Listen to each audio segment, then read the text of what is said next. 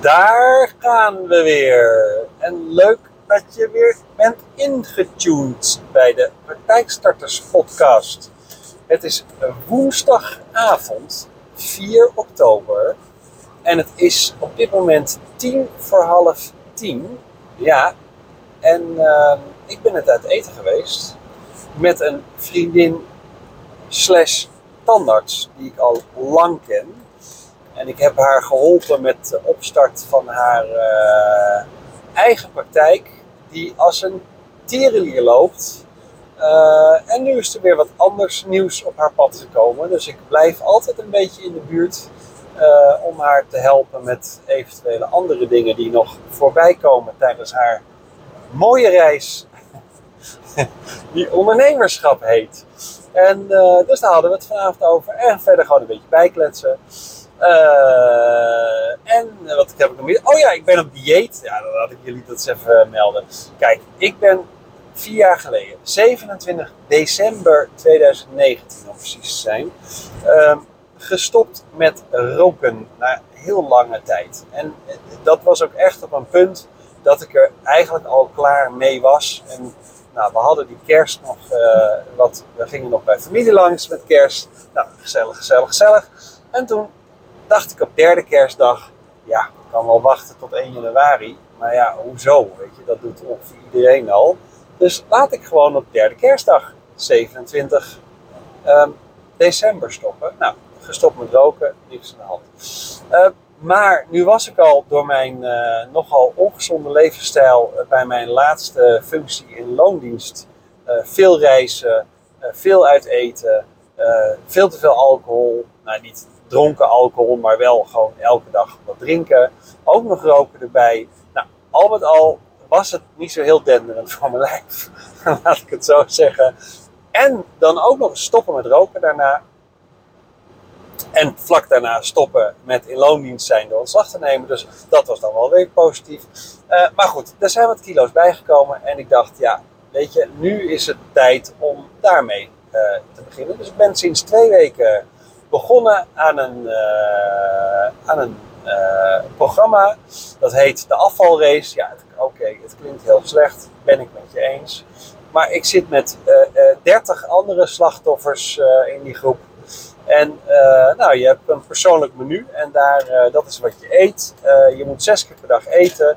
Je hebt absoluut geen honger, want het is echt genoeg. Nou ja, en ik ben toch al drie kilo kwijt, dus het gaat best lekker. Maar dan is zo'n uit eten gaan wel lastig.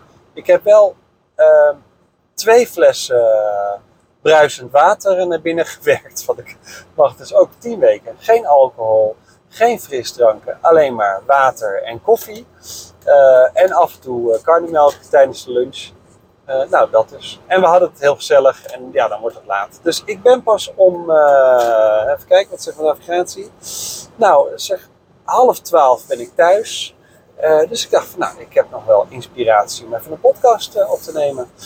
En die gaat deze week over het beginnen van een praktijk aan huis.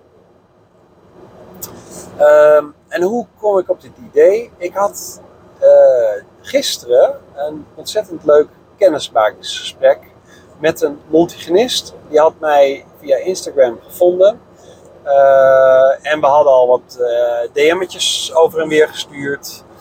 Dus ik zeg van joh, als je nou echt even wat verder de diepte in wil, dan is het wellicht goed om even een kennismaking in te plannen. En dan kan ik even horen wat je nu precies wilt. En of dat haalbaar, bereikbaar, maakt niet uit wat is. En het nee, dat is vrijblijvend. Want die vraag krijg ik ook nog wel eens van ja, nou moet ik daarvoor betalen? En, en is het vrijblijvend? Zeg ja, alles is vrijblijvend. Zeker een kennismaking. Want nou ja, soms komen we er bij de kennismaking achter dat we met elkaar niet zo'n goede match zijn. En dan is het ook niet handig om daarna een samenwerking met elkaar aangegaan, aan te gaan die minimaal een half jaar duurt. Dus nee, een kennismaking is altijd vrijblijvend. Dus we hadden een superleuk gesprek gisteravond. Uh, ja, en wat zij zegt is eigenlijk het volgende. Ze zegt, ja, ik, ik denk er al een jaar of vier, vijf over na om een eigen praktijk te gaan starten. Uh, maar ik zou niet weten waar ik moet beginnen. Ik heb iemand nodig die me echt een schop onder mijn kont geeft af en toe, omdat ik anders niet vooruit kom en omdat ik het niet zeker weet, eh, gewoon ook niet echt een stap durf te nemen. Dus ja, ehm, kan jij mij daarbij helpen? Nou, ik zeg ja, dat kan ik zeker, maar wat ben je van plan? Nou, ja, ik wil eigenlijk in mijn garage een praktijk beginnen. Dus ik zei gelijk van nou, dat is wel lekker uh, overzichtelijk en voordelig. Want kijk, die garage die is er al. Dus er hoeft geen pand verder uh, gebouwd uh, te worden. Nou, er moeten wel wat aanpassingen gedaan worden, maar dat hoeft op zich niet heel veel te zijn. Als je daar een eenvoudige uh, behandelstoel in zet en dat kan of eentje met leidingwerk zijn, of het is er eentje met uh, op stand-alone basis. Dat scheelt je de leidingen aanleggen. Uh, nou, verder moet je een stereoruimte inrichten. Uh, ja, dus daar zet je een paar glazen wandjes in en daarachter een stereoruimte en misschien een, uh, een, een, eenvoudig meubel erin. ja, en moet je afvragen of je een, een wachtgedeelte wil. In, in, hè? Dus een, nee, en er moet een andere deur in, want je hebt natuurlijk een er zit nu een, waarschijnlijk zo'n zo'n deur in, of zo'n roldeur of, of zo'n keepdeur, nou, ik weet niet hoe die dingen heten. Maar goed, die moet vervangen worden door een kozijn met een gewone deur dat je een entree hebt. Zeg maar, nou ja, dan heb je eigenlijk wel alles gehad. En het leuke was, het sowieso was, was, was een groot compliment, want deze vrouw die had uh, mijn podcast al geluisterd en, en ze was eigenlijk getriggerd op mij door een mondhygiënist die zij kent. En die is ook een eigen praktijk begonnen. En die heeft alles zelf gedaan. Dus ik, ken die hele mondhygiënist ook niet. Uh, maar die heeft dus zelf alles geregeld. En het contact met de aannemer. En apparatuur uitgezocht. Dus die moest het wiel volledig zelf uitvinden. En die is dus twee jaar bezig geweest. En dat bedoel ik altijd met, joh, we op Instagram met alleen maar het eindresultaat. Maar deze vrouw was dus twee jaar bezig geweest met het opstarten van haar praktijk. En die vrouw, die had inmiddels gezien wat ik dan doe. Dus die, ondanks dat ze me niet kent, had gezegd tegen deze motorist: joh, je moet Remco even bellen. En je doet er verstandig aan om gewoon hulp in te roepen. Want anders ben je net als ik daar twee jaar mee bezig. En dat is echt zonde van je tijd. Nou ja, en dat is natuurlijk wel ja, wat gewoon waar is. Als ik erbij betrokken ben. En omdat ik dit natuurlijk al al 16 jaar doe en al vaker heb gedaan en, en bijna alles inmiddels heb gezien. Dus in ieder geval overal een oplossing voor heb, of het meeste. En als ik die niet heb, dan weet ik wel iemand die we kunnen bellen die een oplossing heeft. Um, ga je veel sneller van A naar B. Dus een, een praktijk in een garage, uh, of als je een andere praktijkruimte aan huis zou hebben, kan je natuurlijk binnen een half jaar wel gewoon op de rit hebben inclusief website en marketing en alles wat erbij komt kijken. Uh, dus we raakten aan de praten. Ze ja, maar is dat wel een goed idee aan huis? Ik zeg, nou ja, ten eerste moet je je wel realiseren uh, dat de praktijk aan huis wat andere benadering heeft. Want ja, je krijgt je patiënten niet over de vloer. Hè. Ik vind het belangrijk dat je gewoon wel een eigen, eigen ingang hebt. Dus ik zou ze niet door je eigen voordeur laten komen, maar echt wel een eigen ingang creëren voor, uh, voor de praktijk. Uh, wat je je moet afvragen, ja, waar, als mensen naar het toilet moeten, waar gaan ze dan naar het toilet? Dus wil je ook een eigen toilet. Maar ja, goed, een garage is over het algemeen, uh, ik denk 3 bij 8 ongeveer. Dus je hebt 24 vierkante meter. Dus zoveel ruimte heb je nou ook weer niet. Ehm, dus ja, je krijgt mensen in je huis. Maar goed, ja, hoeveel mensen moeten nou naar het toilet? Ja, ik tijdens mijn dieet nu heel veel. Want ik, ik drink denk ik minimaal 3 liter water per dag. En dat moet er ook weer uit. dus ik zou waarschijnlijk wel naar de wc moeten. Sorry daarvoor. En, uh, maar over het algemeen, ja, weet je, als iemand voor een behandeling komt en, en laat zo'n behandeling dan drie kwartier duren max. Nou, niet heel veel mensen moeten dat in de... Dus het zal niet vaak voorkomen. Maar goed, hou daar rekening mee. En je hebt natuurlijk wel het voordeel als mondhygiënist ten opzichte van een tandarts. Dat heb ik al eens eerder in een podcast geroepen. Kijk, bij een tandarts, als je dan een praktijk aan huis hebt, dan is de kans zeer groot dat uh, zaterdagavond 11 uur ding dong, ik heb pijn. En dan staan ze ineens voor je deur. Nou, als mondhygiënist heb je daar gelukkig niet, uh, niet mee te maken. Uh, dus dat heb je dus ik zeg, het lekkere is wel, ook als je uh, bijvoorbeeld jonge kinderen hebt, is dat je natuurlijk altijd vlakbij bent. Kan ook een nadeel zijn, want ja, kinderen kunnen ook je praktijk dan binnenlopen. Maar goed, daar kan je, uh, ja, daar kan je heus wel afspraken over maken. Dus ik zeg ja, en nogmaals, het is zo overzichtelijk. Kijk, als je een pand gaat betrekken, en om je een voorbeeld te geven, ik ben nu bezig met iemand met een pand in Den Haag. En we zijn offertes aan het opvragen voor de verbouwing. En de, de hoogste offerte was 315.000 en de laagste was 175.000.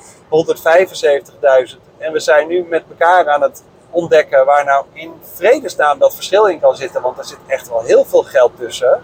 Dus of iemand wil er heel veel aan verdienen, of iemand zet zulke goedkope materialen in dat het één keer blazen is en dan ligt de hele praktijk ver, bij wijze van.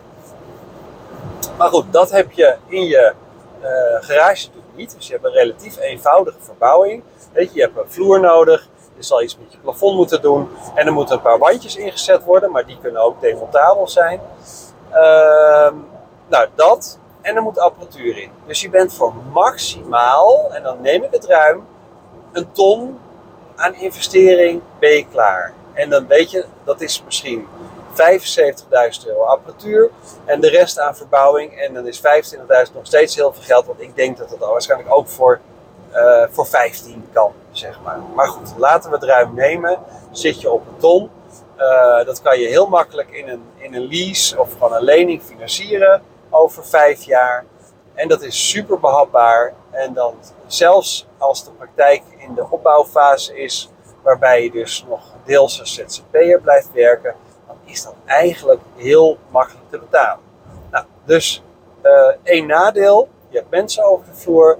Eén heel vet voordeel, uh, het is een relatief kleine investering die goed te betalen is. Dus zelfs al zou je patiëntenbestand langzamer gaan dan uh, normaal. Hè? En normaal is in een stad kan je al met een klein beetje marketing groeien met toch zo'n 15 patiënten in de maand.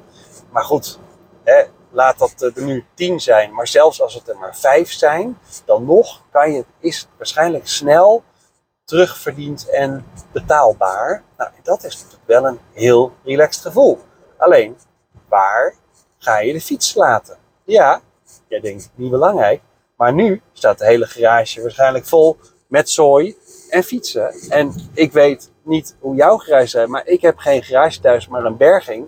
Ik kan je vertellen, die berging staat tot de nok toe gevuld. Dus vraag je ook af, waar ga je de boel laten? Dus uh, nog een reden om waarschijnlijk geen toilet daar te maken. Maar misschien het achterste gedeelte van de garage, zeg misschien 2 bij 3 meter, uh, eh, 6 vierkante meter tot nog even beschikbaar te houden voor fietsen. Ja, ik geef je die tip even mee, anders staat het hele zooitje straks buiten. Dus daar rekening mee houden. Uh, en dan natuurlijk de vraag, ja, wat zit er al bij jou in de buurt? Hè? Kijk, als, als je een, een, een, aantal praktijken op hele korte afstand eh, bij je in de buurt hebt, uh, ja, nou dan moet je even kijken wat die praktijken precies aanbieden en of jij Ga je in een vaarwater zitten? Of ben je juist een aanvulling voor wat er al zit? Of nou ja, dat, dat, net als bij elke locatie ga je wel onderzoek doen naar uh, hoe ziet het, hè, je noemt dat verzorgingsgebied, hoe ziet het verzorgingsgebied eruit? Hoeveel mensen wonen daar? Uh, hoe, wat is de leeftijdscategorie van die mensen? waar komen ze vandaan? Heb je heel veel koopwoningen verhuurwoningen? Dat zegt soms ook iets over. Kijk, als je heel veel huurwoningen hebt, dan, en dat is natuurlijk een aanname, maar je ziet het wel vaak gebeuren, dan, dan kan het ook zo zijn dat mensen geen aanvullende verzekering hebben um, voor hun tandheelkundige behandelingen. Ja, dan is het misschien lastiger om ze je in de stoel te krijgen dan in een, in een wijk waar ongeveer iedereen aanvullend verzekerd is. Uh, dus in een in een wijk met veel huurden. Dan moet je misschien juist richten op de kinderen, omdat die dan toch in de basisverzekering zitten. En op die manier ook de ouders uiteindelijk naar je praktijk rekenen. Maar goed, dat zijn gewoon dingen, waar, daar moet je bij elke locatie over nadenken. Ook bij een praktijk in huis. Dus ja, ik zeg, als je gewoon op een relaxte manier wil starten en er geen moeite mee hebt dat je af en toe uh, iemand uh, in je woonhuis uh, op het toilet krijgt die, die gewoon patiënt is, ja, waarom zou je het niet proberen? En ik zou dan zelf, denk ik, kiezen voor spullen die verhuisbaar zijn. niet al te ingewikkeld qua verbouwing. Want ja, stel het loopt goed. En je zit over een jaar of drie zit je aan de top van je capaciteit. Dan kan je natuurlijk altijd beslissen om gewoon alsnog uh, ergens in de buurt een locatie te huren. En de hele zooi daar naartoe te verhuizen. Dus ja, ik ben eigenlijk wel gecharmeerd voor het idee wat ze had. En we hadden ook echt een superleuk gesprek met elkaar. Weet je, met sommige mensen heb je gewoon dat je idee hebt dat je elkaar al langer kent. En het gaat gewoon heel gemakkelijk en je voelt elkaar aan. Nou, zo'n gesprek hadden we. Uh, joh, en dan nog, ik ga haar nu een aanbod doen. En, en als zij zegt van nou, dat vind ik een goed plan. Dan, uh, dan, dan ga ik haar begeleiden om, om deze praktijk op te zetten. En ook daar, kijk, als ik een externe locatie heb, dan is de, de tijd die ik daar insteek is heel veel meer dan dat je garage begint. Want alles is kleinschaliger. Je investering is kleiner, je verbouwing is kleiner. Uiteindelijk heb je wel dezelfde apparatuur nodig, dus dat blijft hetzelfde. Uh, maar ik hoef niet een onwijs uitgebreid ondernemingsplan te schrijven. Meestal is er gewoon een goed financieel plan met de juiste prognoses en echt een goede onderbouwing van hoe je tot de prognose bent gekomen, voldoende voor een bank om de lening te verstrekken. Dus ook daar kan ik met een soort light versie van mijn standaard 1 op 1 begeleidingstraject, kan ik het af. Dus ook dat, dat is goedkoper zeg maar als je mijn uh, begeleiding zou indienen. Nou, dat ga ik haar aanbieden en dan, uh, dan nog is zij vrij om uh, of ja of nee te zeggen. dus ja, ik zeg waarom niet? Als je een garage hebt en je hebt een oplossing gevonden waar je je fietsen gaat laten en je support en weet ik wat er nog meer staat. Ja, start lekker in je garage. En de gemeente heeft er meestal ook geen moeite mee. Oh, dat wil ik ook nog zeggen inderdaad. Kijk, voor een pand heb je natuurlijk een... Uh, een pand heeft een bepaalde bestemming. Uh, en die bestemming uh, kan zijn dat het detailhandel is toegestaan en dat je dus daar geen praktijk mag beginnen zonder aanvullende omgevingsvergunning. Maar als je in huis een praktijk begint, of aan huis een praktijk begint, dan, heb je een, dan valt het onder een, een huisgebonden beroep, zo noemen ze dat. En vaak mag je dan uh, van de totale woonoppervlak die je hebt, mag je maximaal 30% daarvan benutten om een praktijk te beginnen. Nou ja, heel eerlijk, als jij een woonoppervlakte hebt van uh, uh, van 120 vierkante meter, wat volgens mij behoorlijk een normale woonoppervlakte is, uh, dan mag je dus 36 vierkante meter gebruiken uh, als praktijkruimte. Nou, dat weet je met je garage niet. Dus je kan ook zonder vergunning, kan je gewoon thuis starten. Ik zou zeggen, joh, uh, praktijk open, bord in de tuin en, en gaan.